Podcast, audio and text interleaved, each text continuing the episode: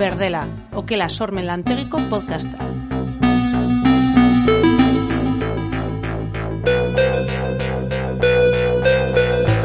Berdela, basilikaren bueltan biltzen den podcastetako gara. Saio hau ez dugu hoi moduan konsoniko irrati estudioetan grabatu. Baina konsoniko gure lagunei esker ekoiztu izan da. Berdela, okelan ospatuko diren erakusketez arituko da. Erakusketa bakoitzeko irrati programa bat.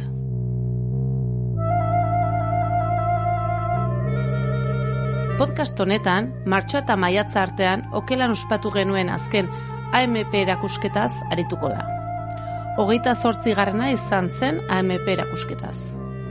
Itz baten bueltan lau artista. Itza, erantzuna. Eta artistak, Alex Reynolds, Ibai Madariaga eta Mielo Arzabal eta Ainoa Lekerika.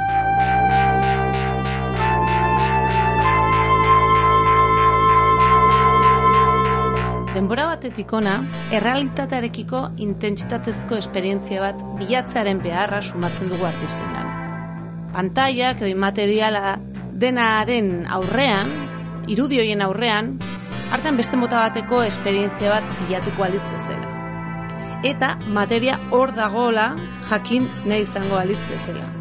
Hau da, nahi izan ezkero materia hori ikutu daitekela, edo behintzat materia hori habitatu daitekela errealtzat jotzen dugun horrekin, esperientzia zuzenagoat bilatuz.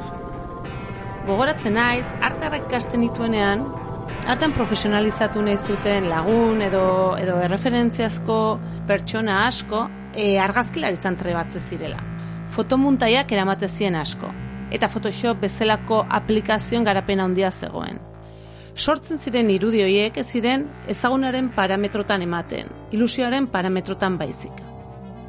Gaur egun, guzti zarrotza egite zait hori guztia. Badaukagu susmoa, gaur, habitatzen dugun testu inguru bakoitza benetan habitatzen ari garela konprobatu nahi dugula.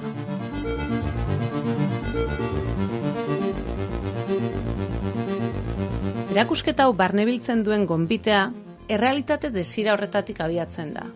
Errealitate behar situatu bat, okela espazioaren errealitate partikularra. Behin eta berriz komentatzen da, edo gu behintzat askotan eh, esan behar izan dugu, okela espezio berezia dela. Oiko erakusketa espazioekin konparatuz, nortasun handia duela eta informazio asko gordetzen duela. Bertan erakusten duten artistak, derrigortuak daude espazioarekin negoziatzea. Arraro baita, lekuarekiko hausnarketarik egin gabe, piezak txukun geratzea hau okelan konstante bada. Eta beti gertitatzen da, eta artista guztiak egin barreko lanketa moduko bada. Baina justo erakusketa honetan, atentzio berezia jarri nahi izan dugu negoziazio horretan. Gonbidatutako artistek, espazioari nola, nundik, eta zerekin erantzuten zuten ikusi nahi izan dugu. Eta espazio zari garenean ez gara bakarrik arkitektura zari ez da eraikuntza ez zaugarri konkretu ez bakarrik. Espazio komun bat nola negoziatzen den ere ikusi nahi izan dugu. Ze, klaro, kontutan hartu behar da, e, guk artistei gonbidapena luzatzen diagunean, guk ez diegu aurretik espazio konkretu bat asignatzen. Beraz, espazioaren distribuzioa muntaian determinatzen da. Artista bakoitzak bere beharrei eta beste artisten beharrei erantzunez mugitu behar izaten delako. Erakusketa honen jatorrian, iratita biok guen jeinen ikusi genuen elkarrizketa badago. Manuel Ziraukik, Alex Reynolds artista elkarrizketatzen zuen. Azken honek inauguratzen zuen erakusketa baten arira. Elkarrizketa horretan, gerora erakusketan bertan ikusi ziteken bideo bat e, aipatzen zen. Eta bideonek e, beste piezekin batera, baina berezikin bideonek gure interesa piztu zuen. Bidearen izena palezen. Reinos, Bruselaseko justizia jauregian ezkutuan sartu eta bertako gela txoko eta sarbideak grabatzen ditu bideo honetan. Bruselaseko justizia jauregia ikaragarria da. Ikaragarria da itzaren zentzu guztietan. Alde batetik, iriaren erdian dago, izugarria da, legea eta ordenaren botere erakusketa moduan oso ondo funtzionatzen du, baina ikaragarria da ere, barrutik kristo egin dagolako. Arrigarria egiten da, kanpotik hain imperiosoa den eraikin bat, barrutik hainbeste zabor, ondakin eta eraikina bera lotxatuko luken gela guztioiek deskubritzea. Alexen eskutik erakusten dira lotxa guztioiek.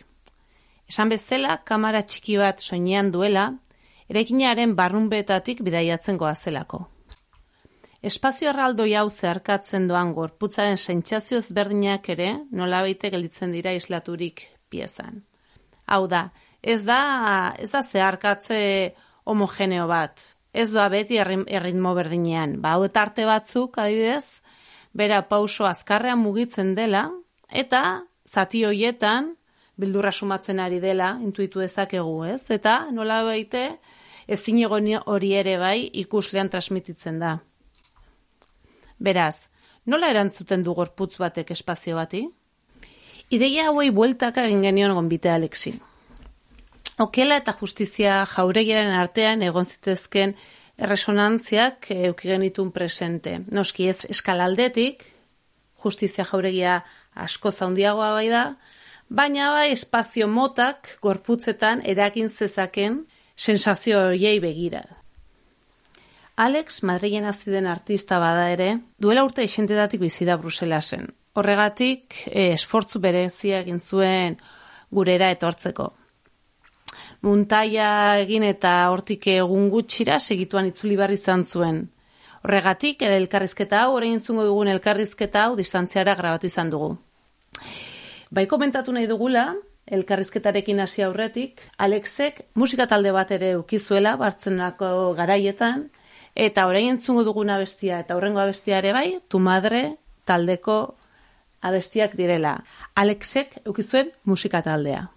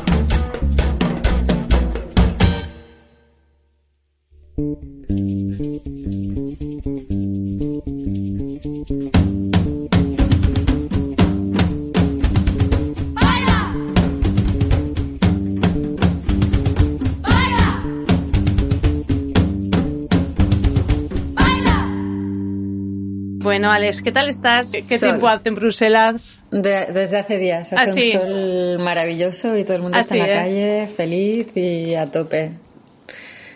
energía, sí, energía ¿no? La primavera. Qué guay, qué guay. Pues nada, si te parece, te voy a empezar haciendo la misma pregunta que, que les he hecho a Ibai Mial y a Ainhoa, que es preguntándote a ver cómo, cómo has respondido a la propuesta que te hicimos de participar en Oquela. ¿Y con qué? Pues Sobre todo igual para situar un poco al, ¿sabes? A quien no haya visto la expo. Pues para la expo de Oquela em, presenté varias piezas pequeñitas. Eh, una era una pieza sonora que ya había presentado antes una vez, em, formada de un diapasón em, un diapasón que suena con una nota, eh, que es la nota que hace una amiga mía, Justine, y que eh, la grabé en un momento dado, le pedí que cantara la nota con la que estuviera más cómoda y a raíz de esa nota hice un diapasón. Entonces es un retrato de ella a través de la voz y del diapasón y normalmente lo tengo sonando con, con un electroimán para que esté sonando todo el rato. Entonces es una frecuencia que ocupa el espacio y que también, bueno, tiene que ver también con la idea de, de norma, la idea de una, el diapasón se utiliza para generar una norma a nivel musical, ¿no? Para que todo el mundo, que nadie desentone, digamos. Em, y, a raíz de la invitación de Oquela decidí como ensanchar, em, ampliar ese retrato de Justine, em, porque había algo que me incomodaba en la primera presentación de la pieza, como con un único diapasón, había algo como un poco mortífero en ese retrato. que también me parecía interesante cuando lo ligamos a la idea de norma y de justicia, pero eh, como es un retrato de alguien a quien quiero, también me faltaba como la posibilidad, que, hubiera algo como algo más completo, más tierno, ¿no? Que no fuera como fijar una persona en una única frecuencia, sino permitir que fuera algo más vivo. Entonces he decidido eh, ir grabando como una nota cada año con ella. Siempre es como un momento muy íntimo entre ella y yo y le digo, dale, ¿cómo estás hoy? Estamos tomando algo y en un momento decimos, vale, vamos a grabar la voz. Entonces se, toma un momento de concentración, empieza a jugar con su voz hasta que encuentra como la nota que ese día le viene bien y la grabamos. Entonces hice un segundo diapasón y esta segunda nota tenía una frecuencia distinta. Entonces lo instalamos en Okela, en, este techo metálico que hay en una entrada. Bueno, lo que ahora es una entrada con la, con la puerta que abrieron eh, y Ibai. Y luego hay otro diapasón que está pegado a un cristal y, y, vamos, resuena el techo de metal y resuena el cristal, pero que está dentro de la sala. Entonces tú como espectador haces un recorrido y al entrar oyes una frecuencia y a medida que vas avanzando dentro del espacio te se va colando la segunda frecuencia que está más lejos. Entonces hay toda una parte del recorrido en la que se hace como una especie de acorde con estas dos notas, ¿no? Entonces eh, vibran las dos notas a la vez y las oyes a la vez y a medida que te acercas a la segunda ya oyes solo una, ¿no? Entonces me gustaba esta idea de de ampliar el retrato y a medida que vayamos haciendo uno cada año, cada vez va a haber más notas, cada vez va a ser quizá más disonante o habrá distintos armónicos y luego me gustaba mucho la idea de utilizar el espacio también, como que hacer que en vez de traer un objeto sobre el que se apoya el diapasón, hacer que el diapasón se apoyara y hiciera vibrar cosas que ya estaban en el lugar. Entonces está haciendo vibrar el espacio de Oquela con estas dos frecuencias. Me parece bastante interesante cómo hablas de esta pieza, porque en tus palabras, en tu aproximación, eh, sí que queda bastante evidente que es como hay una aproximación muy cercana, muy afectiva. Es una pieza como hecha bastante desde, desde el cariño ¿no? que, que tú sientes hacia, hacia esta persona. Y incluso ¿no? puede resonar como una especie de pequeño homenaje que tú haces a, tu colega. Pero luego, en cambio, esa pieza en el espacio genera una sensación bastante de hostilidad y de, y de mal rollo. Entonces, esto me ha, me ha, hecho, me ha hecho recordar en algún sitio que te preguntan o tú misma hablas de, de estos dos conceptos que son la ternura y el terror y de, además que comparten, no sé si raíz etimológica, pero sí que por lo menos comparten palabras, letras, ¿no? Y ver cómo, cómo estos dos conceptos ambivalentes y a priorísticamente contrapuestos podrían estar esa, esa, sensación era, era, era, chula, la verdad. El sonido tiene algo de invasivo, ¿no? Y lo que me interesaba la primera vez que hice el primer diapasón de Justine, eh, me interesaba que era un sonido casi como tener un extractor encendido, una nebra que hace mucho ruido, ¿no? Como que igual lo notas al entrar, pero al cabo de un rato es como que te queda de fondo. Pero aún así, al ser una frecuencia muy pura la que emite el diapasón, es súper invasiva e incómoda, claro, porque está ahí todo el rato. Y encima también es una frecuencia bastante aguda. Entonces sí que es verdad que, que tiene esa, esa sensación también de incomodidad. O sea, cuando hablo de este cruce entre ternura y terror, a menudo lo pienso en términos de o sea, que sentimos ternura por los seres o las cosas que nos por las que tememos o por que queremos cuidar, ¿no? Que se podrían romper, que se podrían hacer daño, ¿no? Los cachorros, los niños pequeños, lo asociamos también con esta sensación de, de, angustia y de miedo. Em, y está esa incomodidad, ¿no?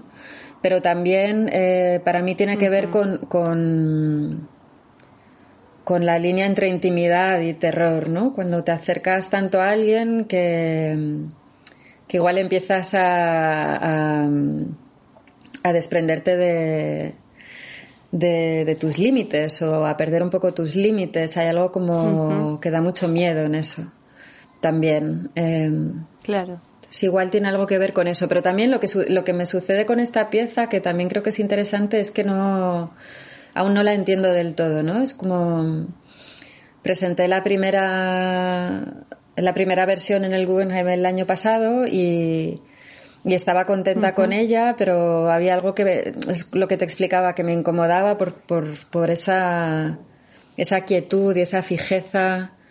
Entonces lo la estoy ampliando, pero siempre hace algo que se me escapa y efectivamente tiene esta parte como invasiva y terrorífica un poco que tú explicas que aparece mucho en mi trabajo y, y que igual no siempre entiendo del todo. Entonces no tengo, no tengo tanta explicación para ella. Claro, imagino que esto también tendrá que ver con una preocupación eh, en torno a cómo abordar un retrato, ¿no? O cómo abordar la, la inmensidad de una persona, de alguna manera.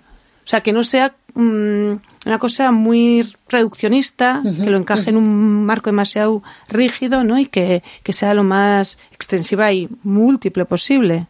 Entonces, claro, en ese juego eh, me gusta la idea de pensar que eh, querer hacer un retrato expansivo a partir de una cosa muy pequeña y muy concreta, que es ese diapasón, que ni siquiera tiene imagen. Al menos yo me fijo, me fijo en detalles muy pequeños y en gestos y, y algo, o sea, Justina es una persona que trabaja con la voz, de hecho, o sea, no es cantante, pero dentro de su práctica eh, improvisa y hace como prácticas de improvisación colectivas con la voz, entonces para mí tenía sentido retratarla a ella a través de ese, de ese elemento, de ese detalle, ¿no? Pero en, en, o sea, en Oquela, de hecho, todas las piezas que presento son retratos de alguna manera. Y los retratos de Cío son retratos también de una persona que es muy cercana a mí, eh, pero en ese caso me he fijado en sus manos. Eh, y, y, está hecha a través del tacto, ¿no? Es como, pero sí que es verdad que cuando pensamos en retrato casi siempre pensamos en imagen y, yo estoy buscando acercarme a una persona, una manera de retratar a una persona que pase por otros sentidos también. Em, y que pueda ser igual menos estática que una imagen.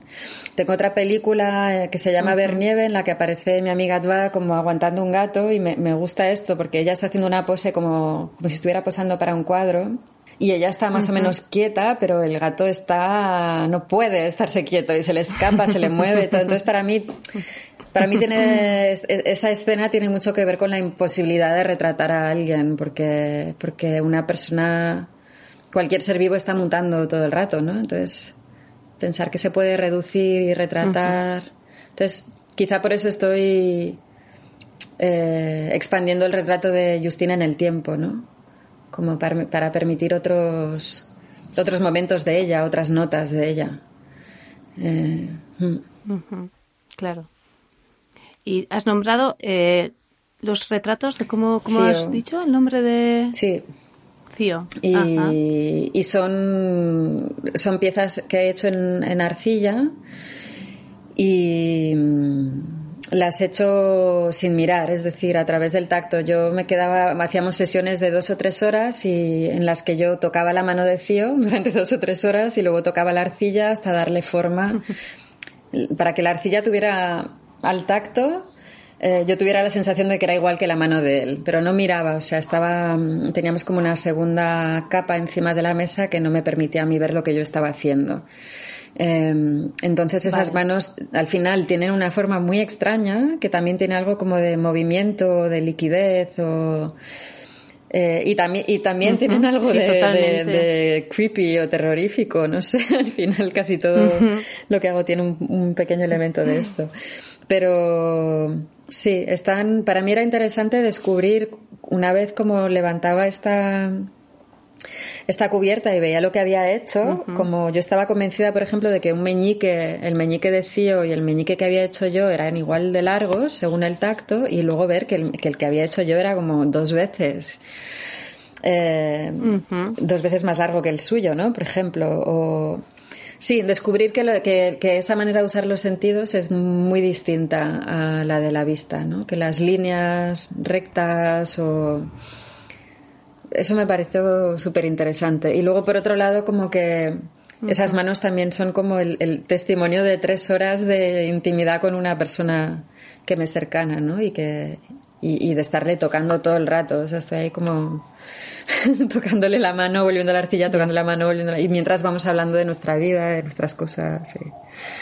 Entonces, de, pero de esas piezas, por ejemplo, no hice una mano derecha y una izquierda, sino que sigo haciendo. Eh, y en Oquela hay tres, hay dos manos derechas y hay una izquierda. Y, y también hay una fotografía eh, en la que se ve una de las manos, pero se ve también la mano de Cío y se ve que está sucia de haberla yo tocado con las manos llenas de arcilla y tal. Y estas están como presentadas las manos en, en una entrada y la, la, fotografía está en otro espacio, ¿no? O sea, que tienen como... Hay un delay entre que ves una y otra y puedes asociarlas, no las puedes mirar a la vez. Pues qué gracia. Traslado, ahora me estoy acordando de un comentario que hizo, creo que fue Aymar, que él decía que de alguna manera esta segunda mano, la mano que está eh, en el pasillo, cerca de la instalación sonora, era una mano que de alguna manera eh, acompañaba su tránsito. Es decir, como que familiarizaba una experiencia un poco eh, mm, que tiene como esta extrañeza, esta cosa creepy, esta cosa un poco desconcertante y mal rollera que genera este sonido que es un tanto chirriante, pues la mano, que era algo que, pues eso, que, la acompañaba de alguna manera, en, ¿no? en, la mitad del recorrido entre los dos diapasones, ¿no? Es como una pausa en esa esquina. Claro, claro, ya. Me parece como muy interesante pensar en esta información que se pierde eh, pues eso, ¿no? Al hacer un traslado de, los sentidos y la información que puede recibir el tacto, eh, que al final eso se pueda ver a través de la imagen o desde, desde la vista, ¿no? Y sobre todo, eh, la, falta de información o lo que se va perdiendo en el camino. No sé, muchas veces he pensado, viendo así como haciendo un poco de, de repaso de tus trabajos, que sí que puede haber eh, cierta pérdida de información en los procesos como que como si generaras o tejieras o construyeras una, un sistema eh, para que en el proceso se fuera perdiendo la información y por tanto la, información más directa, más evidente y por tanto ganándola de, de, otro sitio que seguramente será pues de espacios como más inesperados o, o desconocidos. No sé, esto, por ejemplo, eh, creo que se ve de una manera bastante evidente en, en tu pieza, esta puerta, esta ventana, ¿no? Que ahí sí que hay un juego como de, de comunicación voluntariamente fallida. Eh, o sea, por una parte no lo veo como una comunicación fallida, sino otro tipo de comunicación, que es a través de la escucha y de la música y del ritmo entre las dos personas que aparecen en la película, Alma y Nilo. Em, y por otro lado, lo que explicabas de la narrativa, de obstaculizar la narrativa, para mí es más como encontrar otras maneras de narrar. Em, que puedan incluir más de una perspectiva eh, o que puedan contar eh, una historia a través de, otras lógicas, ¿no? O sea, que a veces son a través del cuerpo, a través del juego, pero, o sea, a menudo sigo trabajando con narrativa, pero intento encontrar otra puerta para esa narrativa, ¿no? Otra manera de, de usar esa, la herramienta de la narrativa, porque eh, es una herramienta que se utiliza y se manipula como eh, a lo largo de la historia es, un ejercicio de poder, ¿no? El contar un relato, desde dónde se cuenta el relato. Pero sí, más que obstaculizar lo de la narrativa es como encontrar maneras con las que me siento, me pueda sentir cómoda utilizando esa herramienta. Ya del relato, eh, que siento que no estoy repitiendo esas dinámicas de imponer un punto de vista o imponer una versión de los hechos. Eh, la causa-efecto, ¿no? Que hablabas en, la charla también del Guggenheim, de poder invertir esa lógica. Sí, o de encontrar lógicas otras, ¿no? Que, no, es que no, no tenemos una explicación tan clara para, para las cosas en nuestro día a día o que a veces nos limitamos a nosotros mismos a la hora de explicarnos las cosas eh, pensando que todo tiene como una causa-efecto directa, ¿no? Como que las cosas funcionan de una manera igual más líquida a veces. Y luego estaría la, la última pieza, ¿verdad? La última pieza que como también recojo lo que dijo Pablo, otro, otro amigo que dijo que, claro, que tu mano derecha y mi mano izquierda nunca serán mi mano derecha y mi mano izquierda, ¿no? Entonces hay, ¿no? hay como una voluntad de colaboración entre esas dos manos que están eh, intentando, bueno, pelando la naranja, que se vuelve bastante abyecto, incluso violento, porque ¿no? O sea, que es como en, esa voluntad de colaborar te estás cargando la naranja. Sí, sí. No lo había pensado así, pero. Sí, es verdad. Hay, hay, una torpeza en ese intento de hacerlo así, ¿no? De, de, hacerlo entre los dos. También para mí hay algo como muy sexual en ese vídeo, en, en cómo cómo se ensucian las manos, cómo se llenan de líquido, cómo exacto la naranja se empieza a aplastar y se queda un poco jodida pero sí que es verdad que esas pruebas vienen de la preparación de una película y esa película tenía que ver con ideas sobre el hogar eh, y sobre y sobre, sobre, el lugar que se le da al conflicto, a la violencia dentro de una relación o dentro de un espacio doméstico, ¿no? Em, entonces me hace gracia que tú que hayáis visto algo como violento dentro de la acción de las naranjas, porque sí que partía un poco de esa investigación. En esta puerta, esta ventana también es una especie de spin-off de ese proceso, en realidad. Y antes de que te, antes de despedirnos, Alex, también me gustaría preguntarte en cómo he visto un poco la experiencia del montaje en respuesta a, a las piezas, las intervenciones, las ganas y las voluntades de, de los otros artistas. Al final, eh, claro, ellos ya conocían un poco el espacio porque son de Bilbo, pero tú viniste sin casi tener referencias de Oquela, cosa que te lo agradecemos muchísimo porque, bueno, fuiste muy generosa en aceptar nuestra propuesta así un poco satélite. Pero bueno, a ver un poco cómo se gestó, cómo viviste y cuál fue para ti la experiencia de, de trabajar en respuesta y en, eh, y, en respuesta a y adelantándote a, ¿no? vamos, ¿cómo viviste un poco toda esa experiencia? Creo que fue interesante todo el tema de negociar el espacio y, por ejemplo, como Iba y Miel, por ejemplo, lo dividieron en dos y eh, generaron un recorrido diferente. O sea, gracias a ese recorrido la pieza de Justine funciona muy bien, ¿no? Porque eh, solo puedes entrar desde la puerta izquierda, te encuentras con ese sonido y al final de ese recorrido te encuentras con la segunda nota. Em, y también permitieron que estuvieran más separadas como la, foto de las manos de las manos de arcilla, no sé.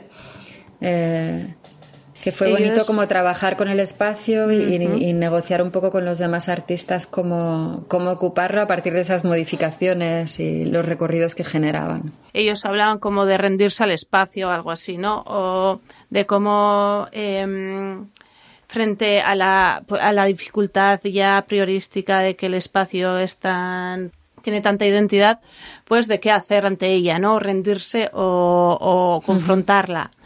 Y, yo creo que esta expo sí que ha funcionado porque hay, sí, hay una especie como de rendición o algo así, ¿no? Entonces, desde lo pequeño, desde las cosas con mucho espacio vacío, se, van acompañando bastante bien las piezas con la arquitectura. Es que yo creo que al final hicimos las piezas para ese espacio. O sea, yo normalmente no, o sea, trabajo muy poco con fotografía. Y, la decisión de poner, lo que fue como bastante al último momento, pero de poner la fotografía en una hoja en, larguísima, donde la foto solo está abajo, es una decisión que viene de cómo está hecho ese espacio. Es decir, tú entras y tienes esta especie de pasillo largo con una apertura y solo ves la parte de abajo de... Vas a tener que subir un escalón, pero la parte de arriba de todo el techo no lo ves, solo ves la parte de abajo. Entonces la foto está colgando más baja para que se pueda ver desde ese lugar mientras entras y te vas acercando a ella, ¿no? Y lo mismo los diapasones están ubicados en aprovechando lo que puede generar el espacio de, recorrido y de dos notas en el medio y dos notas separadas, porque hay esa L que lo permite, ¿no? Em, entonces, para mí, o sea, y luego también no querer pintarlo todo, donde pusimos el vídeo, mm, permitir que el espacio fuera lo que, lo que, lo que es, ¿no? O sea, creo que hay muchos artistas que llegando, bueno, muchos, algunos artistas que igual llegan a un espacio así, lo que quieren es anularlo y que sea un cubo blanco, ¿no? Y a mí, en realidad, me cuesta muchísimo más, muchísimo más en general trabajar con un cubo blanco que con un espacio que ya tiene sus propios recovecos y su propio carácter. Entonces, cuando llegué a Oquela, más que asustarme, para mí fue qué guay, ¿sabes? Porque puedo responder a algo, ¿no? Entonces, esta sensación de, de poder responder al espacio y a los otros artistas y sus intervenciones, la verdad es que es algo que disfruto un montón. No, la verdad que, que, han, surgido como conversaciones interesantes respecto a, a, ¿no? Las, las, respuestas y la convivencia entre las ganas y los hechos de cada una. Sí. O sea, para mí fue menos complicado porque no conocía el espacio de antemano. Entonces, con lo que me encontrara, o sea, iba a trabajar con lo que me encontrara y me encontré con el espacio dividido en dos y con dos puertas. Y entonces fue como, vale, pues vamos a trabajar con eso.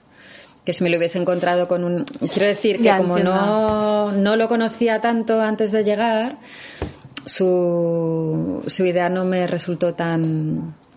O sea que al principio sí era como, bueno, habéis hecho, tomado una decisión sin consultarnos a ninguna y de que esto se divide así, y, pero bueno, que, no sé, que no fue, no fue un problema, vaya, al contrario. pues muchísimas gracias, Alex, de verdad, ¿eh? por ha sido un lujo tenerte en Oquela. Todas estas cosas, nos, joder, nos, nos, llenan el alma. Sí, sí, sí, no, a mí me, me, encantó la experiencia, de verdad. Qué guay, qué guay. Sí, qué guay. Muy contenta.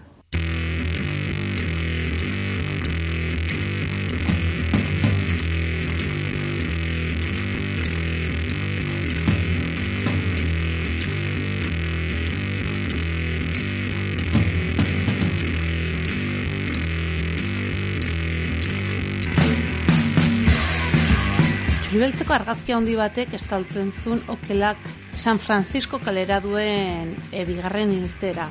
Bere, hau ez da eskutun gelditzen da nate bat, baina oso normala da orientazioa iskat, iskaxadun edonorentzat, okelako azken horma hori, bueltan datorrena, ibilbide oso egin da gero, ate hori San Francisco kaleko irterarekin erlazionatzen. Baina bai, okela modu linealian zerkatzen baldin badugu barrutik, iristen zean azken leku horretan, pertsana badagola fijatuko gera. Eta pertsanaren kapukaldean, hau da kalera ematen duna, San Francisco kalera ematen duna, pertsana horretan bi emakumere azaltzen dira e, argazki, txuribeltzeko argazki handi batean. Emakume hauek paseatzen daudela dirudi eta, eta eskutik helduta doaz. Argazki hau pertsanan pegatzearen interbentzioaren atzean, Ainoa Resano eta Sabina Lafitak gidatzen duten eias proiektua dago. San Francisco auzoko emakumeen memoria bildu eta rekuperatzeko lanetan dabitzan artista eta antropologa. Beraien eskutik iristen da argazki hori okelako bealdera. Erakusketa hau gertatu arte, ia oarkabean pasatzen zen okelako pertsanara.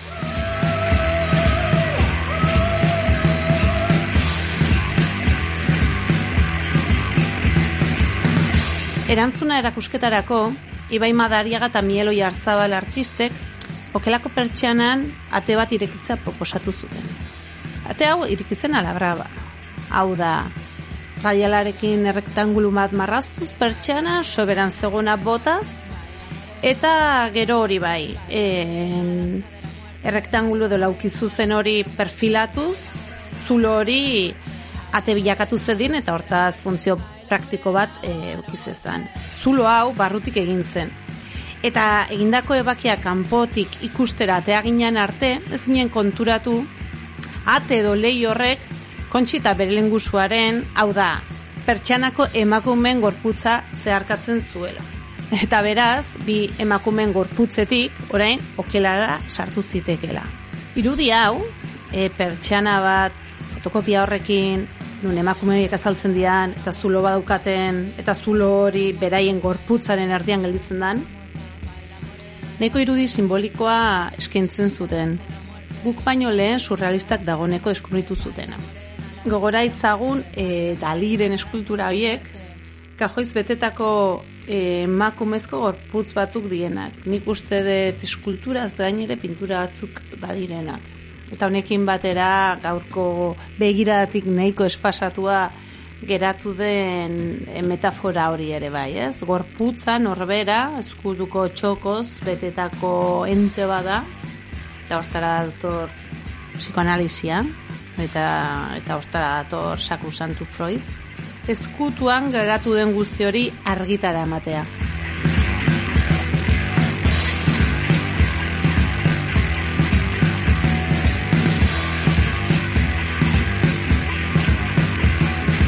Baina, bueno, esan bezala, San Francisco kaletik e, paseatu zaurki genezakeen irudi poetiko hau, pertsan honetan dagona, kasualitate hutsa da, eta zer ikusi gutxi du Ibai eta Mieleen asmoekin.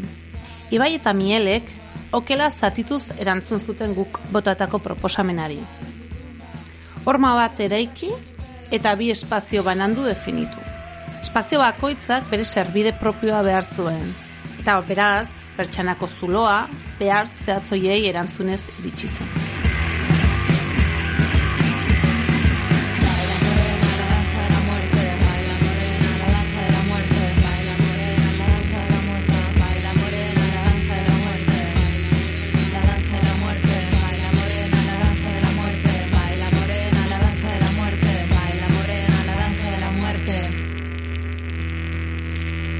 Bueno, badute patio arrarotara ematen duten etxeetan bizitzak zenbait abantaia, kalera ematen dutenekin konparatuz.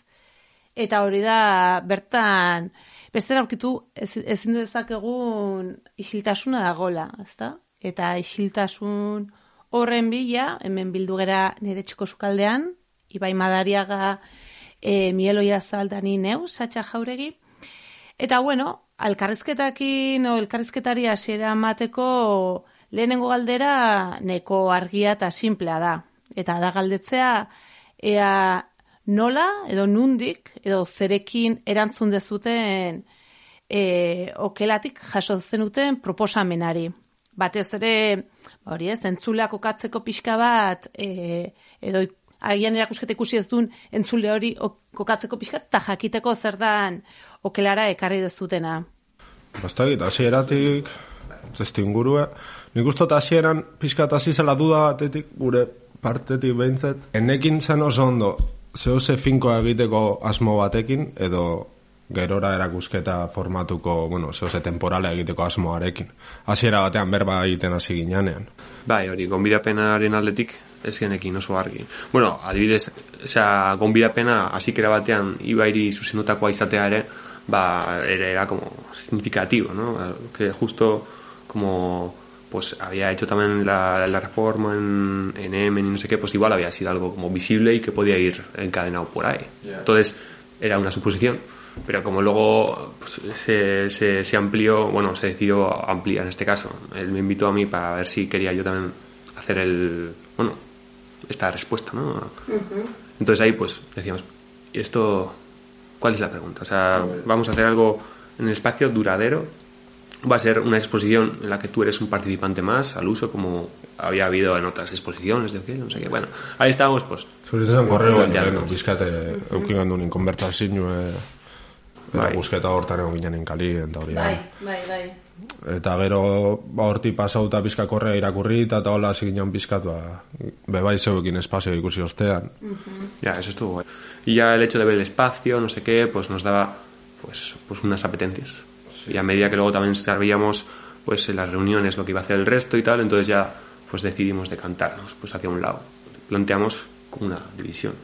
Ese, pratikan da hori, bai. Azienan duda zen, como, bai, pizkat hartuta, como egoera, ez? Esatea, ba, olako erakusketan motetan e, artista ezberdinak elkartzen die, eta ulertzen da, edo ulertu nahi da, e, pieza egiten daben materiala, o danadalakoaren artean egongo diela lotura batzuk, baina igual lotura horrek ez die uneko un aparenteak edo batzutan Bai, bai. ez da behain ondo funtzionaten, ez dakit.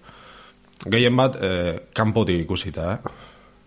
Gure esperientzatik eta gure okelaren bueno, okelarekiko eukin genuen esperientzatik, ez? Beste Bai, erakusketa Aurreko batzuk. Bai, aurrekoetan ikusitakoa, ez? Osea, Bai. esatean, buah, eske, hori, hori askotan komentau genuen, espazioak beraz, ba, espazioak berak ere bere, bere indarra duko, ezaki zer, eta batzutan hori paisak berak, como que se pierden, Bai. o sea, que, que quedan como, uah, orduen, como hori, ba, tendencia es como, como no puedo, pues me uno a la cosa, ¿no? Claro. Pero he de decir, bueno, pues vamos a ver si aquí, dividiendo el espacio, ya pues podemos eh, ya decir, somos tres grupos. Eh, asmo izan zen pixka bat, e, ikusita agian arazoa zuei suertatzen zitzaizuela ikusle bezala okelara jute zinatenean da ikuste zen utela agian etzegoela oso ondo engranatuta, ez? Bai, artisten arteko Es que ez dakit ditza oso parte hartzea ondo. Es- Osea, da gehiago, que ez da ondo txarto da como sentsazio aldetik gehiago, ez? Osea, Osea, igual definituagoa izatea, ez? E, Grasi ditez oskun, nola ditez eta, guau, ba, igual lotura modu alda izen, totalmente banaketa bat, ez?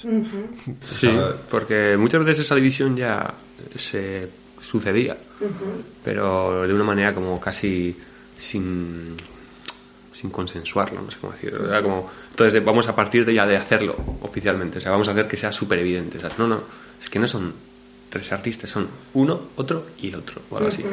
Entonces es como un poco, en otros escenarios hemos hecho lo contrario. pero, pero en este caso hemos dicho, pues es que aquí tiene más sentido hacer así, o vamos a probar esto o proponerlo así. Claro, eta bapaten ba, divizio hortan ba, ze, ze gertatzen zen horrekin, ez? Ba, esango Hmm. kuestioa, ze, nola banatu, aberdan, gauza bat ekitatiboa, aber banaketa horrek balio dagoen beste zo, zer, lortzeko, Bai, bai, ez dakit, guztiz, guztiz. aurrazten dira kuestio mordo bat, ez? Eta pentsatzet ere bai, e, batez ere banaketa hori determinatuko duen elementua nola egin, oz, nundikan, ez? E, osea, ez? Ezakit, asiatik zenuten gauza, adibidez, finko solido baten, pareta baten ideia, pareta betirakor geldituko zana, e, tela bat izan ziteken, osea, hor egontzan, e, Bai, bai. Ez que plano atletik, porque lehenengo kosaiak ere izan izan ziren hori, pizkat ariketa egitea e, espazioa ezagutzea, e, egon ginen hori memoria ariketa batzuk egiten. Eta ja, marrazki horiek e, geneuzkatela hor, e, ge- geneuzkal hor mailan edo, bueno, donde sea.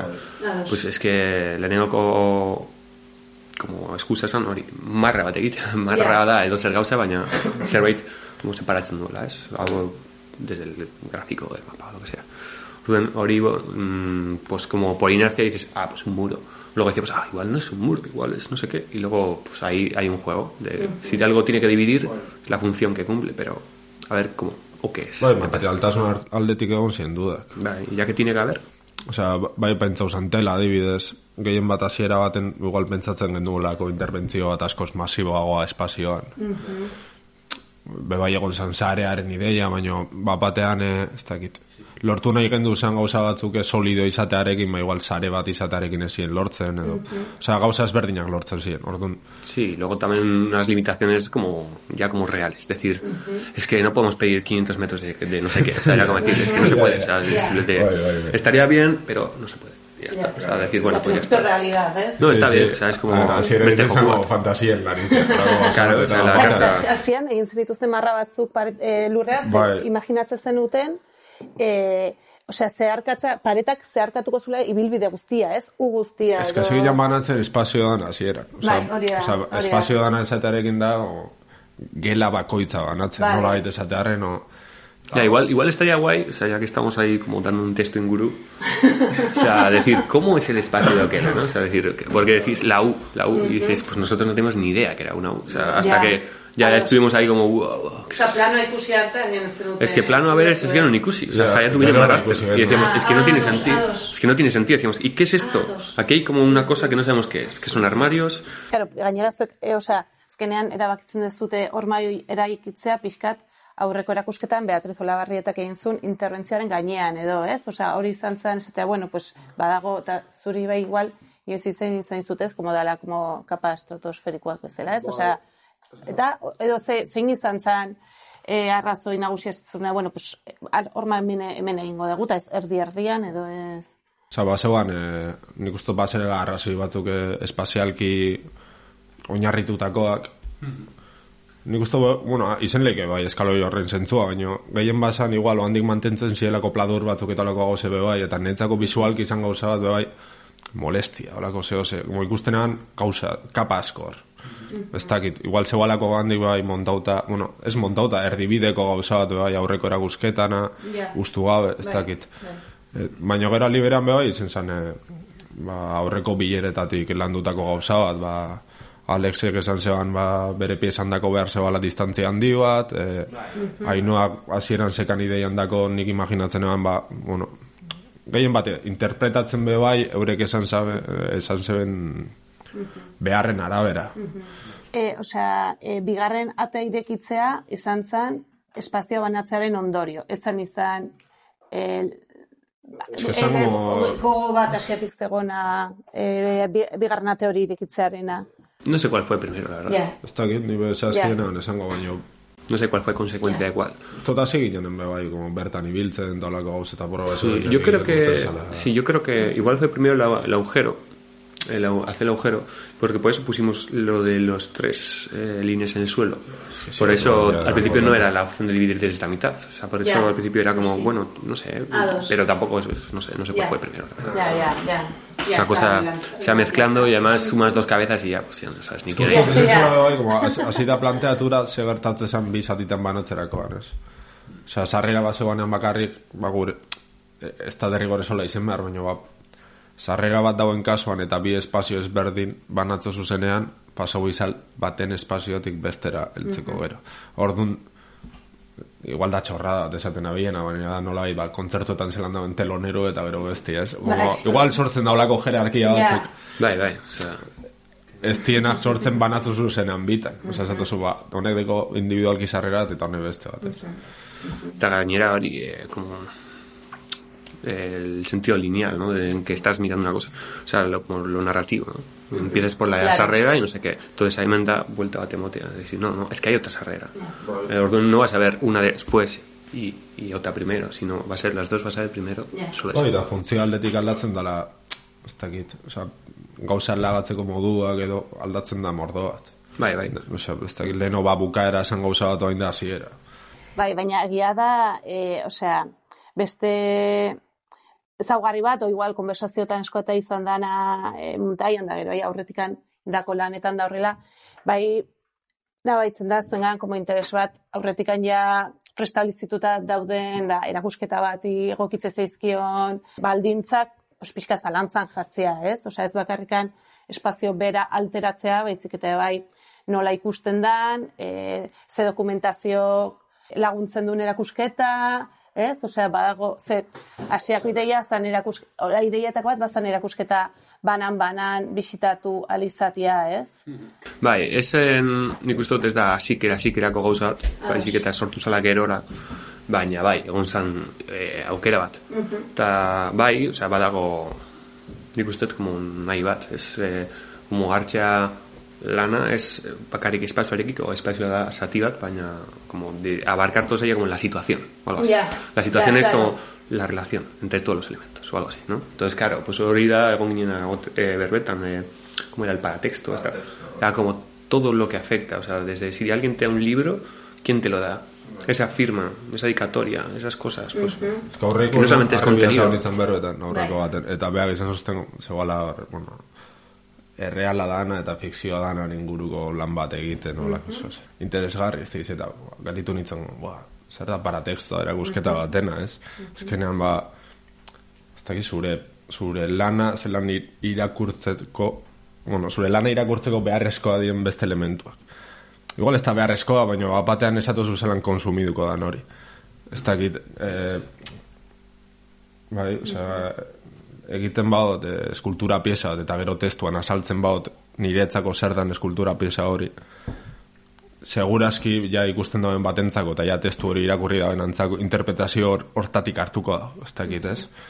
Ez baut jartzen, interpretazio hori ja da bakoitzak dekona zuzenean, ez dakit eh, ondo nabilen asaltzen. Pero es que...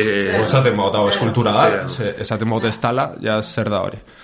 Osea, También, también sería un- algo del paratexto, también lo mismo, que en vez de una cosa que sea textual, un texto que explique la escultura o que no sé qué de la escultura, Bueno, esa no sería también pues, o sea- un señor que cada vez que vas a la escultura te dice, guau, vas a ser la última persona que da la escultura. O sea, eso también va a afectar a tu experiencia con la Claro, escultura. claro. Eso sería también otro elemento. o sea, elementu guzti Ja. horiek. o que te diga, jo, es que casualmente hoy ha venido el autor y ha estado dando una vuelta para que dices, joder, sí, joder, qué privilegio. O sea, bueno, todo eso, que sea mentira o sea verdad, pues es una cosa que afecta a Claro. la manera que tienes tú de decir, wow, yo como persona que estoy aquí, qué casualidad. Biografia, Claro. eh, Es como si sartzen da, ni zeakit, bai, Instagramen leheno egiten dien gauzek, eske dana sartzen da baina orduan da, eh, nahiot planteatu zelan, Ja. aldoten afektau beste al, alde hoietatik eh, egin dudan lanari edo ez, ez. Eta betire bai, ez, osea, hau orokorrean pasatzea, ez, baina zuen kasun konkretuki ere bai, como espazio u, asko uzten ikusten ez da nahi, edo ema- ematen ez dan informazio hori, edo, ez, osea, ez dakit, ez, osea, como bada oso zer eskutatze bat, nola bite, o, o mititze bat, o... Sí, hay un juego ahí, está que se, es como que cuando, bueno, no sé, es como, mira, eh, justo egun gara komentatzen, eh, batzuk, eh, aurretikan egindako erakusketetan eta holan dinot eskulturak batzuten como hori. Galtzen dutela beren, bueno, ez dakit, presentziales ez dutela inbesteko protagonismorik, ez orduan, igual zuk nahi dozu zaindu, zure eskultura, zure pieza, ez zuk nahi dozu hori horregotea, edo zu nahi dozu pieza hori erakustea, ez? Orduan, igual da, ez da toki honena, baina zu fortzatzen duzu. Orduan, fortzamen, oda, fortzaketa horretan, pues alduzu edo espazioarekiko zuk imposatu, ez dakit, pues, neutralizar el espacio, no sé, como igual ez inezkoa da, okela no zaila dalako. Baina bestera, beste aukera badez, no, no, me doy por vencido. me doy por vencido y soy un mártir, no sé cómo decir, en plan de, entonces me mezclo y me dejo muerto, es decir, entonces decir, bueno, es que voy a dar por hecho que esto no lo va a ver nadie, porque es que ya es que es tan imposible luchar contra esto que... Entonces, ni gusto da la beste estrategia bat, baina gure kasuan, nik uste dut, no sé, a veces nos hace como, como gracia que la lectura no sea siempre la misma. O sea, ah, ¿la has visto? Joder, pues de puta madre. Ah, ¿no? ¿Lo has visto? Gente que ha ido dos veces y me dice, pues me han dicho que hay unas camas, pero no las he visto. Y decir, ah, pues, Ya. pues están. ah, pero no te va a decir nada más. O sea, es como decir, hasta que te gusta tener Bai, poner... zera polite sortzen dien, como, beste interpretazio bat, zuk, zuk ez tozuna pentsetan, ez ez dakit. Osa, zelan irakurtzen Irakurtzen den hori. ingunun hori ez, osea, e, agian espekulatiboak, agian relatuak, ez jendian artean pasatziala eta eta, eta konversazio hori dago bukatzen danean bukatzen dala, ere bai, ez, horren inguruko informazioa edo, ez, osea, ez dela, eta hori komentatu ez dute hoena, eta hori bai da, ez, e, hori erdi eskutun, erdi erakutsiz dagoen e, parte bat erakusketena dela hori ez, e, hori entzuleantzat, ikusi ez duenantzat, bi horman artean sartu dezutet litera bat, ez da? Osea, hormak osatzen ditun bi hor, bi panelak, ez, hor erdian dago litera bat.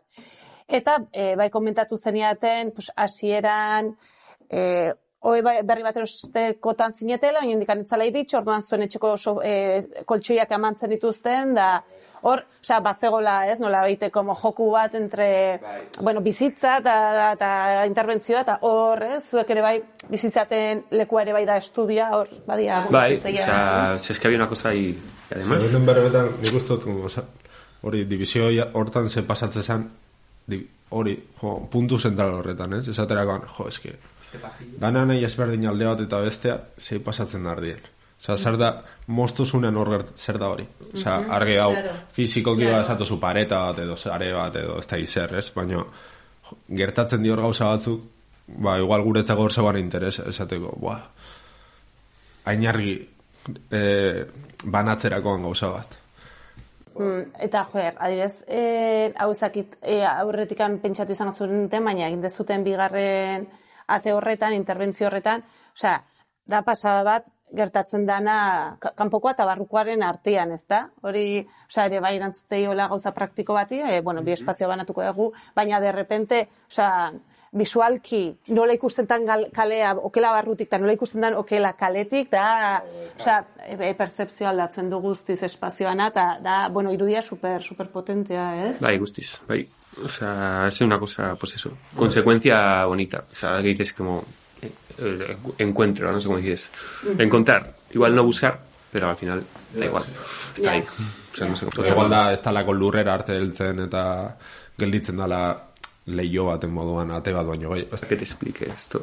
Gero badago beste kuestio bate bai, igual, zet, osea, igual zutzako superarrotza dana, eh? baina eh, grazintzian eh, beste elkarrizketa batean de bai, jendeak ustezunean eh, Alexen diapasoien soinua zuen azala, molestua azalako, ez? Eta orduan, nola asoziatu daiteke zure lana molestua dan gauza bati, bestiengan modu eh, konbilatzu jartze ditut, hain ez, daiten ikusten, impos, eh, impositibo izan daiteken zeozerrekin edo...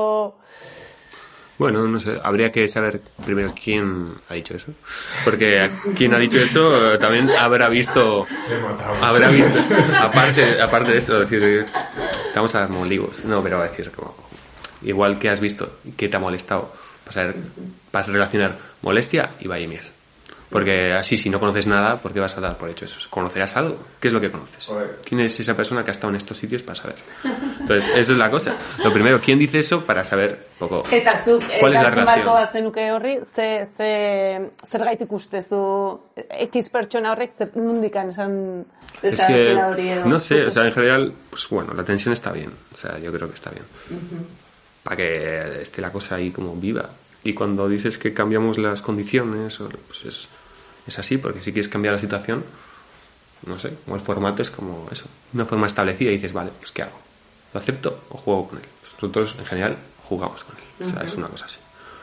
Pero bueno, tampoco es una cosa que tenga por qué ser así. O sea, que igual un día decimos, pues no, no, amén, amén. O sea, amén, amén. Y he venido aquí a, a vender mi libro. Y ya está. O sea, duda eragitozun denean, ba, aldozu planteatu, ba, igual ez dien gauza. Ez modu negatiboan esan da, eh? Ba, ez dakit, aurreko baten lagun batek esan zozkunean be bai. Ba, zabizien ere txin periodikuke mogitzen, holako gauza bat. ya. Claro, da, como... Ez dakit, bain gendunen interbentzioa eh, so, soplokoan periodikoekin jolastuz, eh, ba, modu ezberdinetan eh, kokatzeko... Kostatzen egunero ematen utela erakusketak Hori itzea da. egunkari Bai. batez, depende zein. Eta jar- jartzen zen duten eh, leku bakoitzean eh, modu ezberdin batean. Hori da. Baina leku bakoitzean beti modu berdinean. Edo ez. Bueno, no, no siempre igual, pero había como una lógica en cada Bai, sitio. hori da. Hori da. Eta eta hori ba, lagun batek interpretazioan bere etxeko portalien egin alabe bai hori egiten. Eta ez dakit da, igual sortzen dien, ez dakit Ja. dan mitoa iz, Ja. hitza, o ez dakit zer dan, Estamos todos esquizofrénicos ya. baina, Ja. osea, Ja. ba, ez dakit, segurazki, imaginatu eta solako diela, eta orduan hau ingo da, osea, ez dakit, efektua honei da lortu edo. Ja. Pues no sé quién habrá dicho eso, que, que le hemos molestado ahí. ¿En cuál? No sé cuál de nuestras intervenciones ha sido más molesta, estaría bien saberlo. Bueno, es que igual interpretazio hori atara da nonos. Como, ez dakit, Ah, como algo seguramente. norma o así, pero no sé, no sé. O sea, a ver, da, ba, grazia egiten duen gauza bat. Oso ondo, baina ikusten horrela hemen utzi genezakela. Ondo. Ondo irutzen zaizue? Bai, bai, Bai. no sé, tampoco... Sí, bien, estaba bien. Vale. Ba, mi esker zuen denbogatika, da, da urrengo arte. Ba, zuri.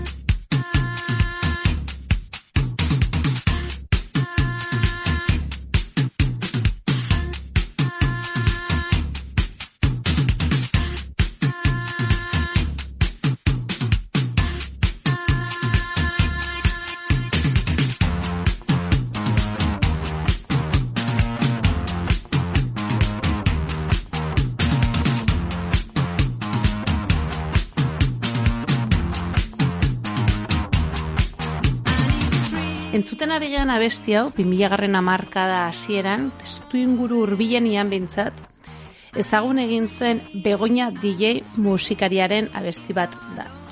Konsoni, Begoña Muñoz ingana zen, e, nola egiteko elkarlan bat proposatuz. Eta honek, esan zien, bera musikaria izan nahi zula eta bera bestia kantatu nahi zitula. Karo, gogora ezagun garaian, e, konsonian arte proiektuak ekoizte zituen egitura nahiko potente bat zala. Eta arteari pentsatzen zizaizkion ohiko espaziotatikan ateatzeko borondatez jaiotako proiektuak akonpainatzen zituen. Batzutan gainera denbora luzez. Nikolas Burrioren estetika relazional testoren garaiak zian.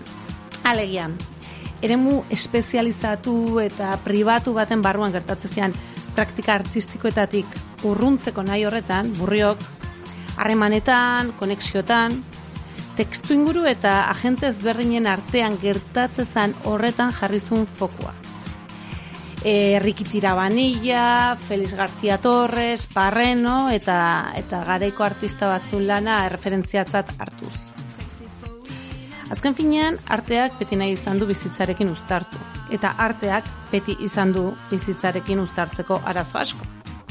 Erlaziotan jokatzen zen estetika hau ere, badauja horren lekuko argia zen. Aipatu dugun konsoniren proiektu honek, eta gareiko beste proiektuek ere nortasuna biltze zuten. Begoinaren desira urte gutxiren buruan egibi urtu zen. Eta 2002an, konsoni superfuge errekorsekin e, disketxarekin kontratu bat sinatzen ari zen. Modu hontan, e, jitak izan zian abestiak aleatu zituen, e, radioformuletan bere temak entzunari izan zian, eta bueno, nola ite, amestu moduan, ba, kontzertuak ere eskinial izan zituen begoinak.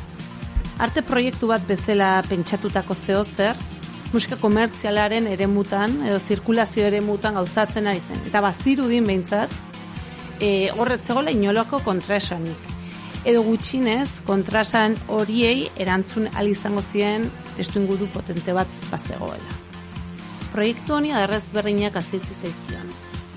E, oitako batzuk gertatu zanaren erregistro moduan iriste zaizkigu gaur egun arte, eta ai esker dakigu e, zertzen garaian gertatu zena. Alde batetik, itziarrokarizek zuzenduzun zansk e, bideoklipa daukagu bideoklip horretan azaltzen da begonia, nolaite masak garraiatzen duen begonia, Bilboko ezkerraldetik eta ikusten da nola Portugaleteko zubia zeharkatzen duen. Da, neko, neko pieza kuriosua da, neko edera eta Ia da, garaiko espiritua ondo ondo gordetzen dula. Karrizketa batian, begoinei bideoklip horri buruz galtziotenian, berak esatu, ba, ba, bera oso ba, asko gustatzen zaiola itziarrek egitezun lana, eta eskatu ziola mesez, bueno, ba, ea altzun bideoklip bat egin, baina, klaro, mm, bideo hori jasozunean, ez zitula e, nola iteke bideoklip komertzialaren kodigoak e, jarraitzen, eta inkluso superfugekoak esan ziotela, aber, aber, aber zertzan hoi, aber bafilatzen izan. Baina, bueno, badirudi horri begoinari zitzaiola gehiagin portu izan. Beste registro interesgarri bat, fikziozko liburu bat dugu. Azkenean, proiektuak berak bazuen horrelako errelatu edo narrazio izaire bat, ez? Gertaera batzuk pasazian, pertsonai batzukin, eta zentzu horretan, baneiko e, kuriosoa, edo, bueno, pertinente iruditzen zaigu guzti hori e, novela batean bildu izana. Novela horren atzean, lutxo egia idazlea zegoen, egoina berarekin elkarlanean idatzitakoa, eta novelak metamorfosis noveno asalto izena jaso zuen. Errala eta fikzioan artean mugitzen den e, pertsonei baten bitartez, e, gainera begonia ordez nia izena duena, musikari honen arkastarako saltoa kontatzen da. Baita, izar batek inguruan duen kostelazio oso horren errealitatea.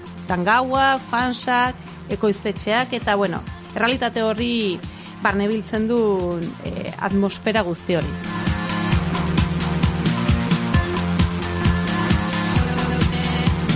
Begoinaren kasu hau kontatu dugu, desira berdinetik abiatuz, erantzun oso ezberdin bat eman duen artista batetaz hitz egiteko. Ainoa lekerikaz. Bera izan da, erantzuna erakusketan parte hartu izan duen beste artisteketako bat. eta zein bera baino beto, musikari izateko pulsio hortatik abiatuz, okelara ekarri duenaz hitz egiteko baino. Beraz, gehiagi luzatu aurretik elkarrizketari emango diogu hasiera. And you can also breathe with your skin.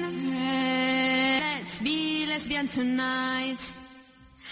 Let's play hippies tonight. Or better, let's be lesbian tonight.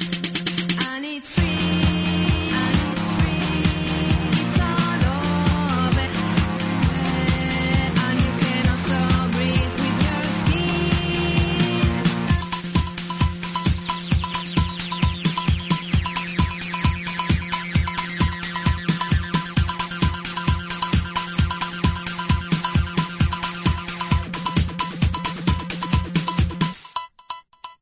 Ba, hemen etxe gaude nire etxeko sukaldean, ainoa lekerika eta biok, eta bueno, pues, hasiko gera pixka bat e, konversazionekin, ondo iritze bat zaizu? Bai, perfecto. Vale.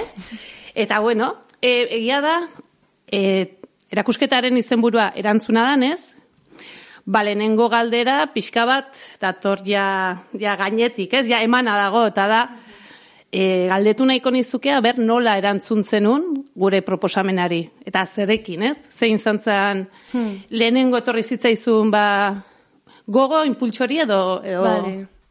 Ba, e, nire, nire lehenengo gogoa izan zen, edo justo e, galdera hori e, etorri zen momentu baten non ninengoen abeslari izateko gogoekin. Demora guztian fantasian, eta nire logelan edo estudioan edo e, batez ere bakardadean e, horretan ibiltzen, eta orduan etorri izan como korreo, ez? Oi, eta gure dugu hau, eta esan nuen, venga, ba, e, bildurtzen hauen espilo bat hori erakustea, ba, fortzatuko naz apur bat, eta egingo dut amen. Eta gogoratzen naz, e, lehenen mileraz izan zela como, venga, quiero ser cantante, vamos con esto. Eta gero ja, joan da beste forma batzuk hartzen, eta bueno, bai, baina hori izan zen como lehenengo desioa edo. Aha. Eta zer izan zen lehenengo desio hori desinflatu edo ze, zer, zer aurkitu zenun bidean beste derretore bat juteko edo...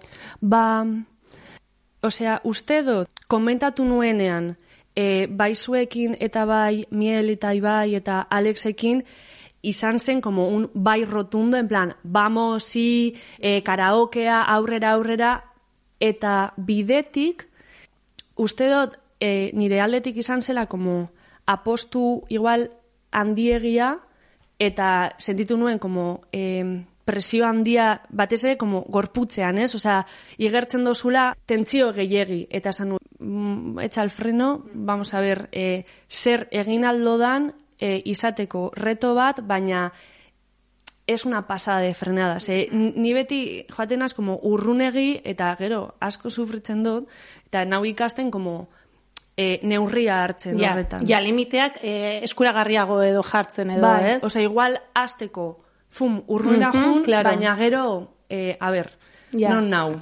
zer behar Eta dut, imaginatzen zenun abeslari hori nolakoa zan edo zin zan zan, osea, zure buruan funtzionatzen ari zan edo, edo desua piztutze zizun proiektu hori. Hori nola zan? Ba, uste dut, gehien gustatzen zaidana musikaren inguruan, edo, bai, e, da, e, zelan gorpusten den fizikoki soinua. Osea, igual, ez hainbeste, bueno, nik oso txarto abesten dut, eta ez zait interesatzen bez e, ondo abestea, eta, osea, como, uste dut, soinuaren, soinu, osea, gustatzen zaidana soinuarekiko da irudia. Eta, ba, nagoenean nire logelan kaskoekin, eta entzuten dut Lola Flores, jo, osea, hemen dago gauza bat, ezin dodana kontrolatu ez, eta ikusten dodanen irudia, bueno, eta ja, pues, ez doda, no tengo la suerte de verle nunca, baina, osea, uste dut, gertatzen dela zeo zer, dela oso potentea, eta nahi dut, como, esperientzia hori izan. Claro, claro, gian hori ez ikusle bezala jasotzen dezun esperientzia horren e, e, emai edo, ez? Hori hori generatu zure zure gorputzetik edo. Bai. Eta igual bai ikusten dut, ba, bakarradean kapaz nazela, baina mm, bestearen begirada sartzen denean, eten egiten dut. Eta nahi dut, como, bide horretatik, aber zer, zer gertatu alden, ez? Claro, ze hori, e, osea, musikari izatearen proiektutik, ez dakit hau lehenengo bi- bileran izan zen, edo ja lehenengotik, ja gero egon zen lehenengo transformazioa, leheno e, modu azkarran aipatu dezuna dela, karaoke bat egitea, ezta? Eta hor, hor ere bai, en, izan zen ideia bat hasiera gainean jarri zana, baina bere zailtasunak eta oztopoak aurkitu zenitunak, ezta? Aurrera eramateko. Bai, ba, aldaketa, oza, lehen aldaketa hori izan zen, bale, ni gure dut abeslera izan, ze da como un sueño frustrau, eta mm, jendearekin hitz egitean konturaten nintzen, konturatu nintzen jende askoren ametsa zela. Osea, eta esan nuen, joe, ba, igual, en vez de ni bakarrik abestu, abest, osea, sortu aldot espazio bat non bakoitza etorri alda bere ametsa momentu bateran eh, eh, Bai, ez dakit- gauzatzera edo bai, betetzera. bai. Eta eta saiatu nintzen eh, horretatik tiraka eh, egitea, baina batez ere ikusi nuenean eh, okelatik kanpo eh, situazio bat non zegoen jendea kantatzen eta nik sortu nahi nuena ja munduan zegoela eta funtzionatzen zuela, esan nuen, ni ez naz kapasa hau ona ekartzeko, ez? Eta batez ere niretzako suposatzen duen lotza konturatu nintzen bestentzat baita zela eta lotza hori hartuta esan nuen e, honekin aurrera eta aber zer egin aldut lotzarekin egoteko eta jarraitzeko edo atzera porque es un límite eta eta listo eta bueno, ba lotzatuta gaude, pues tampoco nos vamos a forzar a venga, eh Whitney Houston orain, ostras, ba igual es, eh? Osa, igual ez da beharrezkoa. ja. Eta bai, Claro, eske hau ere bai komentatu izan izunez, e, e, proposamena hori jaso genunean, hasian zanko, bueno, a ber, a ber hau nora doan, baina nik baina aukala lehenengo arazoak emate zizkiala pentsatzea, ostras, karaoke bat, karaoke bada, ez? Eta karaokeak ja munduan badaude eta lekuak daude horretara pentsatutakoak eta orduan zer zer egingo luke berezio zer zer sartuko luke nolaite arte izatearen eremu horretan, ez? E, karaoke normal batetik alderatuz edo, ez? Ta horrek niri emate zizkian arazoa, baina ustet e, zuri emate zizkizun arazak etziala hortik bezala. Ta orduan ere pentsatzen nun E aldaketa hori, iritzi aldaketa hori edo, edo urbilketa ara- aldaketa hori izan ziteken belaunaldi kontu bat, edo izan ziteken ni okelako bakizu, e, era, erantzule bezala eta, eta zu kanpotik zatozen artista bezala edo... bai. Bai igertzen dut, azken aldian askoz gehiago disfrutatzen dudala bizitzan artean baino. Eta gero eta e, artea zerukasi handiagoa e, duenean bizitzarekin e, askoz gehiago sartzen naiz eta ez dakit, e, osea, da como espazio bat non gustora sentitzen naiz eta uste dut laguntzen didala eta ikasten dudala. Horregaitik izan zen como, venga, ba egiten dut hemen, baina hasi nintzen nire buruari galdetzen, jo, ba, eske ze puntura arte, ez? Ba, igual nik orain behar dut siesta bat, eta horregaitik montako dut e, sofa bat okelan, osea, nire behar izan guztiak egon behar dira hemen, eta esan nuen, bueno, ba, momentuz beste itzi nuen hor eskina baten. Ados. Eta hortikan orduan, e, orain, alkozen kontatu batez ere igual erakusketa ikusi ez dutenentzat, zer da egin dezuna okelan, da zer ikusi, zer ikusi dezake bisitariak okelara juten danean. Rekorridoa. Bueno, sartzen zara atetik, eskerretara da mai bat. eh, a ber, igual niretzako eh, sarrera moduan eh, dago eh, poema eh, kobrezko saflan, ez daki jende asko irakurri duen, Ze, eh, batek baino gehiago esan dit, eh, ez duela ondo ikusten letrak, eta inkluso txapa, osea, ba, hor dagoenez paretan eta ematen duenez, hor dagoela, como... Bai, eh? Bai. E, nik esango nuke nespientzia jendea hurbildu dala eta bai ikusi jendea irakurtzen. Ja, igual baita ere izan zen, eh, zelan da, inaugurazioan, que la Ados, igual bai, como igual bai, bai, bai, bai, ez bai, ez dago hainbesteko atentziori, baina bertara sartu eta, osea, aurkitzen dezunean zure burua bi gauza hoiekin, ba, Ja, osea, ja, ez dago asko gehiago, justo. ezin duzu irakurtzetik eskapatu. Zapla horretan dago poema bat, e, pasadan udan idatzi nuena, nahiko triste egon nintzen pasadan udan, eta joan nintzen Suizara, dago hor nire lengusina e, ikasketak egiten eta, eta e, ni oso txarra naz ingelesarekin, eta justo hor, ba, behar nuen erabili ba, ba, autobusa hartzeko eta gau, gauza horretarako. Eta gau baten idatzi nuen eta egin zidan kriston grazia, ze ez dakidan ez e, izkuntza, nengoen super limitatuta e, gauzak esateko. Osea, ba, gazteleraz, dauz, edo nik ditut buruan mila era gauza bat esateko, baina ingelesez da, como, e, to the toilet, please? eta listo. Bai. Eta esaldi hori ez dakit beste eratan, pues, me hago pis, osea, ez dakit, ez dakit zelan esaten dan, ez? Orduan, gustatu zitzaidan zelan hizkuntzak, ba hori, ba, Mugatze zintun, ez da? hori da, eta eta gauza konplezuak horrela hain simple esatea, ba, ez dakit, grazia asko egin zidan, eta baita ere dagu oso txartu idatzita, osea, ja ez gramatikalki baizik eta falta ort- ortografikoekin baita, eta o, falta horiek grabatzea Ja. txapa batean, como, como tatuaje bat txartu eginea, ez? Ulertzen dut, bai. ba, gustatzen zitzaidan ideia hori.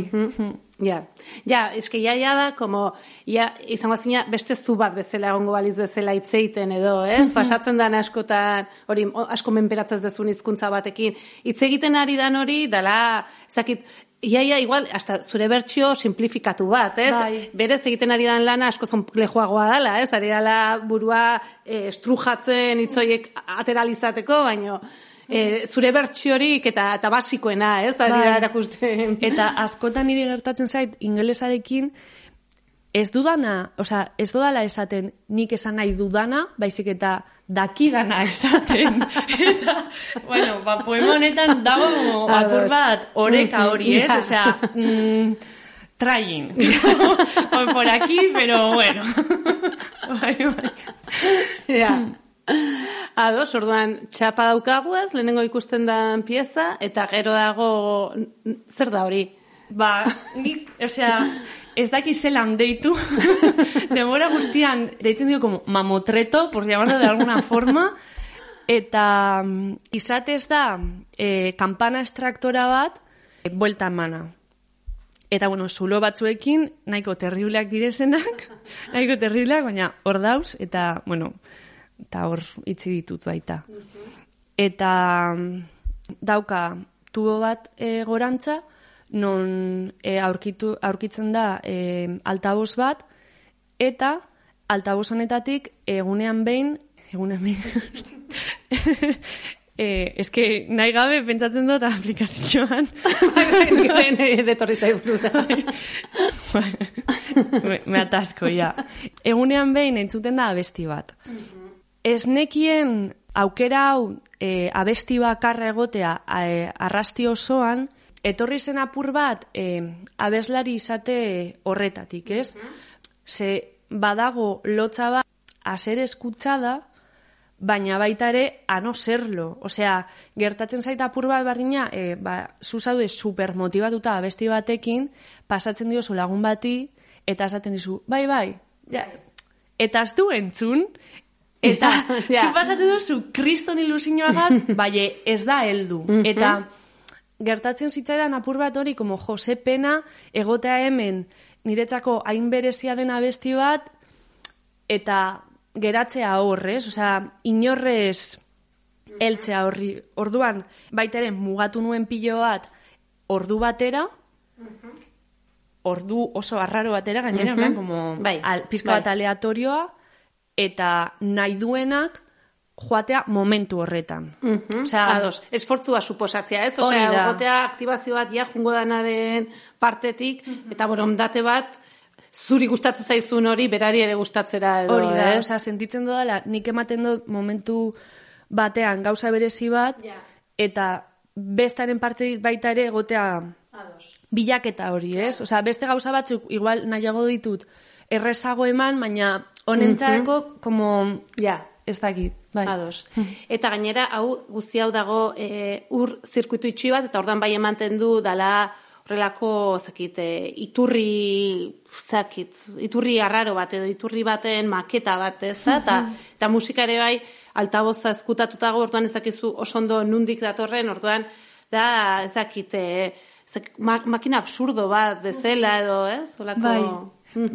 Hori grazia egin dit, ze abeslari izate, osea, nengoenean nahiko konzentratuta horretan, niri, ba hori, ba, nahiko lotza ematen dita bestea, orduan pentsatzen nuen, benga ba, eski, e, sortuko ditut e, robot batzuk, Bai. non bakoitza jo- jotzen du instrumentoa da tamor bat. Bai, ados. Eta besteak, e, ba ez dakit, aizearekin zozer mugitzea Bai. eta zarata egitea, eta sortzea como una squad Ados. de gente muy torpe eta eta ni baita ere ba horregotea abesten edo beste gauza bat egiten eta konturatzen naz era batean egin dudala como Aha, robot absurdo hori, Vale. ez? Azkenean ez dut egin hori, baina o, sin más. Bai, izan zitekeen, e, zera, aparatu hori izan zitekeen, Bai, ez? E, bai, bai. Ja. Eta mm, nik bai sentitzen dut e, aparatu edo mam- mamotreto Bai. hori e, dela esperimentu bat. Azkenean, mm, daroat, igual ja urte bat, bai urte bat, etxo, e, urarekin lan egiten, eta ura eta soinua batzea, mm, da una locura nire buruan zentzu asko duena, baina errealitatera eramaten dodanean, ba, beti aurkitzen ditut arazoak, eta de hecho, esperimentu txiki honetarako baita ere, izan da prozesu nahiko nekegarria, baina, baina bueno, osea, uste dut, naiz eta nekagarria izan, aurrera pasoak eman, eman ditu dala. Eta gero azkenik muralar, ez? Ateratzen zera, sartzen zera beste egin duten beste sarrera horretatikan, eta eta kamaran e, muralarekin, ez? Aurkitze zea. Honek, honi buruz, ja ez dakit zer esan. Ze, osea, niretzako, ez dakit ze momentutan, esan nuen jarriko dut nire aurpegia super handian. Osea, de hecho, hasi nintzen egiten, eta momentu baten eten nintzen esaten, a ber, hau tapatu behar dut, osea, nornaz ni, en, gainera, osea, ez dakit oso arraro sentitzen nintzen, ez?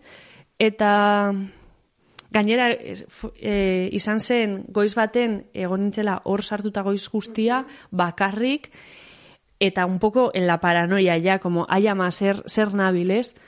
Eta, nire ustez, igual izan da, guk itzen genuen e, urtarrilean edo ez, lehenengo kontaktua. Bai. Ba, urtarriletik izan martxoan, hogeita lauan. Edo, Hori da, hori da.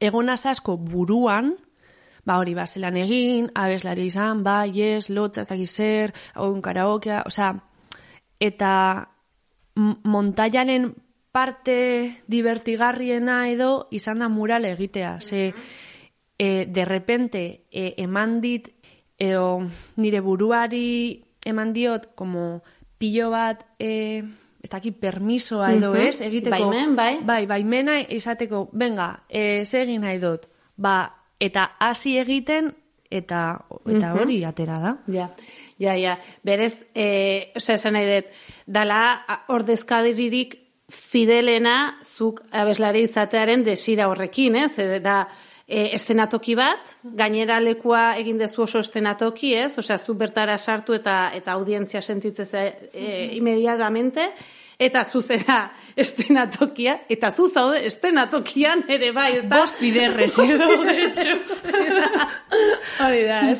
Bai, hau komentatze genuen, ez? Aurreko elkarrizketaren batean ere bai, de, bueno, em, galdetzen izula zuri ea, ea berez abeslaria izatea e, e, benetazko amets bazan hori ez ezalantza jartzen, ez? Baino, ea, benetako ametsa izateaz gain ere taltzun izan, edo zitekeen estrategia bat izan, azkenean objektuak eta, eta irudiak ekoizteko, ezta? Bai, bai. da, nora itera puntatzen dezuna, eta bide horretan ateratzen dira ateratzen dana.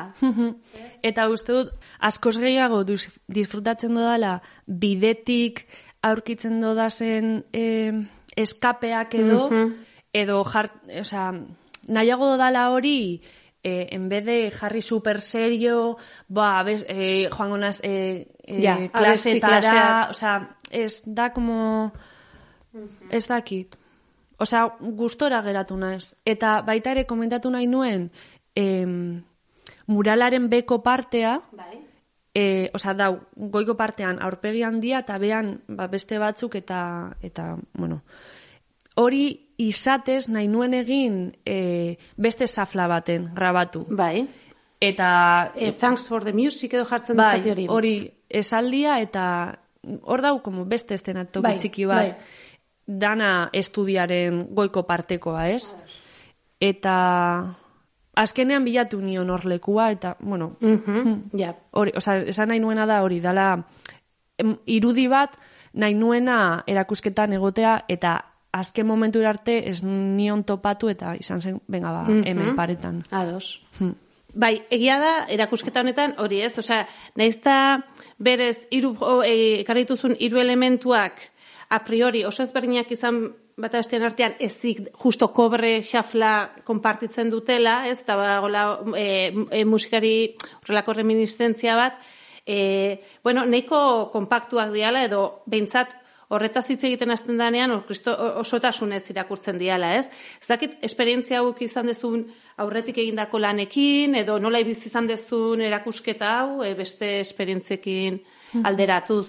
Bale, ba, e, bai sentitzen dut, e, su, oza, suposatzen dut, e, erakusketak egin ala e, hau ikasten dela, ez? Baina, batesen nabarmentzen dut, e, honetan, jarri ditu dala mugak sufrimenduarekin.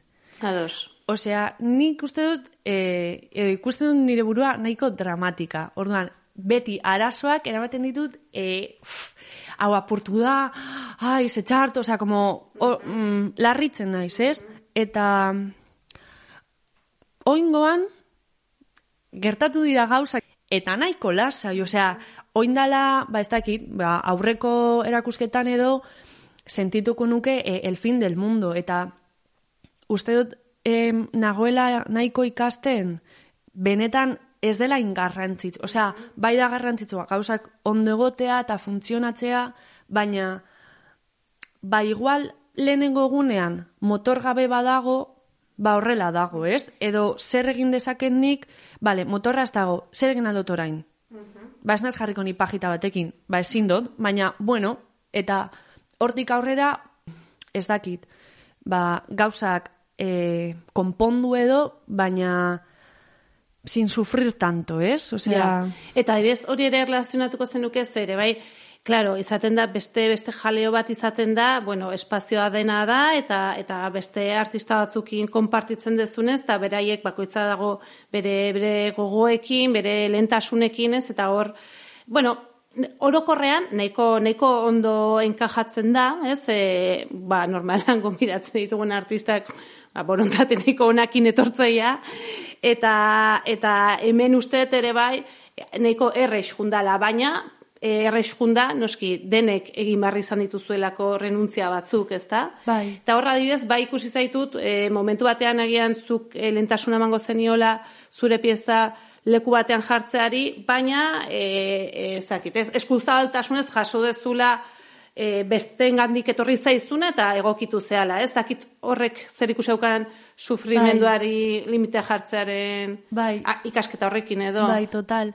Eta baita ere, igual momentu horretan ikusten dut nire burua, eh, bueno, ez nire burua, ez? Baizik eta kanpotik ikusi aldala como, jo, ¿cómo se ha dejado llevar, no? O, ba, le da igual, hay que ponga aquí o que ponga allá. O sea, benetan, ez ditaz, o sea, importa zait, baina aukeratzen dut ze puntura arte hau den garrantzitsua edo ez, ez? Eta, ba, izatez e, iturri hori nik ikusten nuen beste leku baten, eta gero denon artean ikusi nuen beste leku, osea, apropos bat denontzat, eta esan nuen, baiazta, osea, eske ez daukat eser horren kontra, eta askotan, edo beste batzuetan ikusi dut nire burua mas kabezota, e, hau nahi dut horrela, eta, eta askotan ez deko zentzurik, eta e, ba, kokatzeari, ez? E, hemen edo bi milimetro onantz, edo giratuko da bur bat, ba, bai da garrantzitsua, eta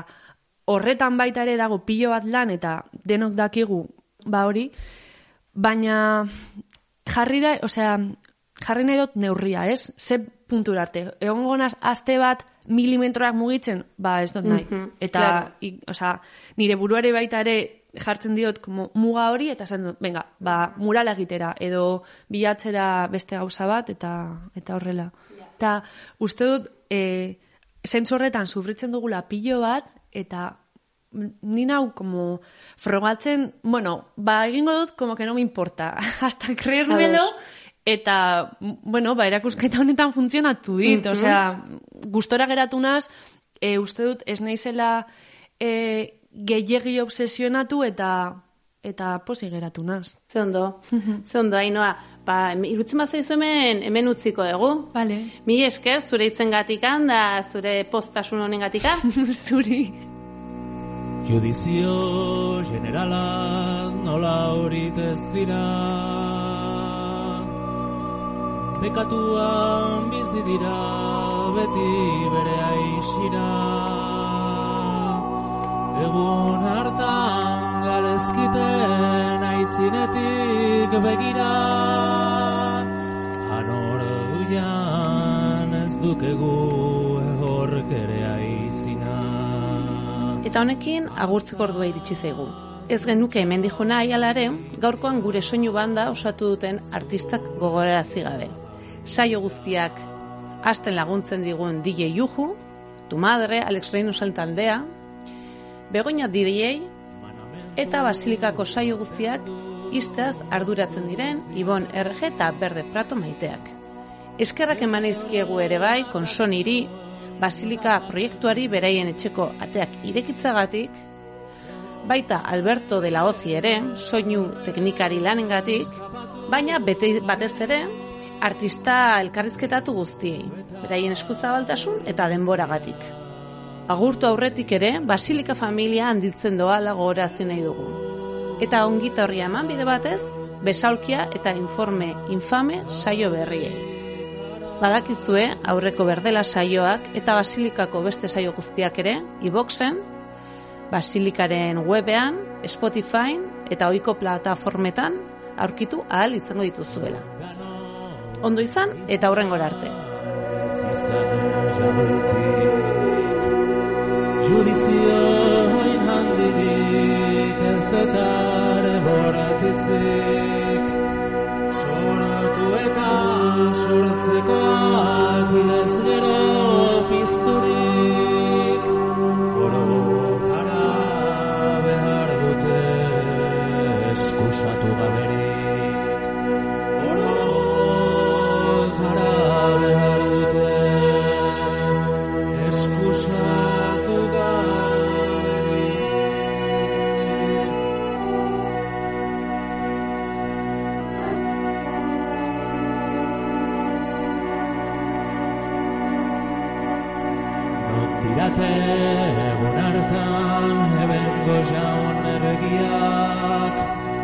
Duke konde Marquez aldun eta bertzen obliak Eta haien armadako gizon sendoen balentriak Ordu hartan balioko guti haien potentziak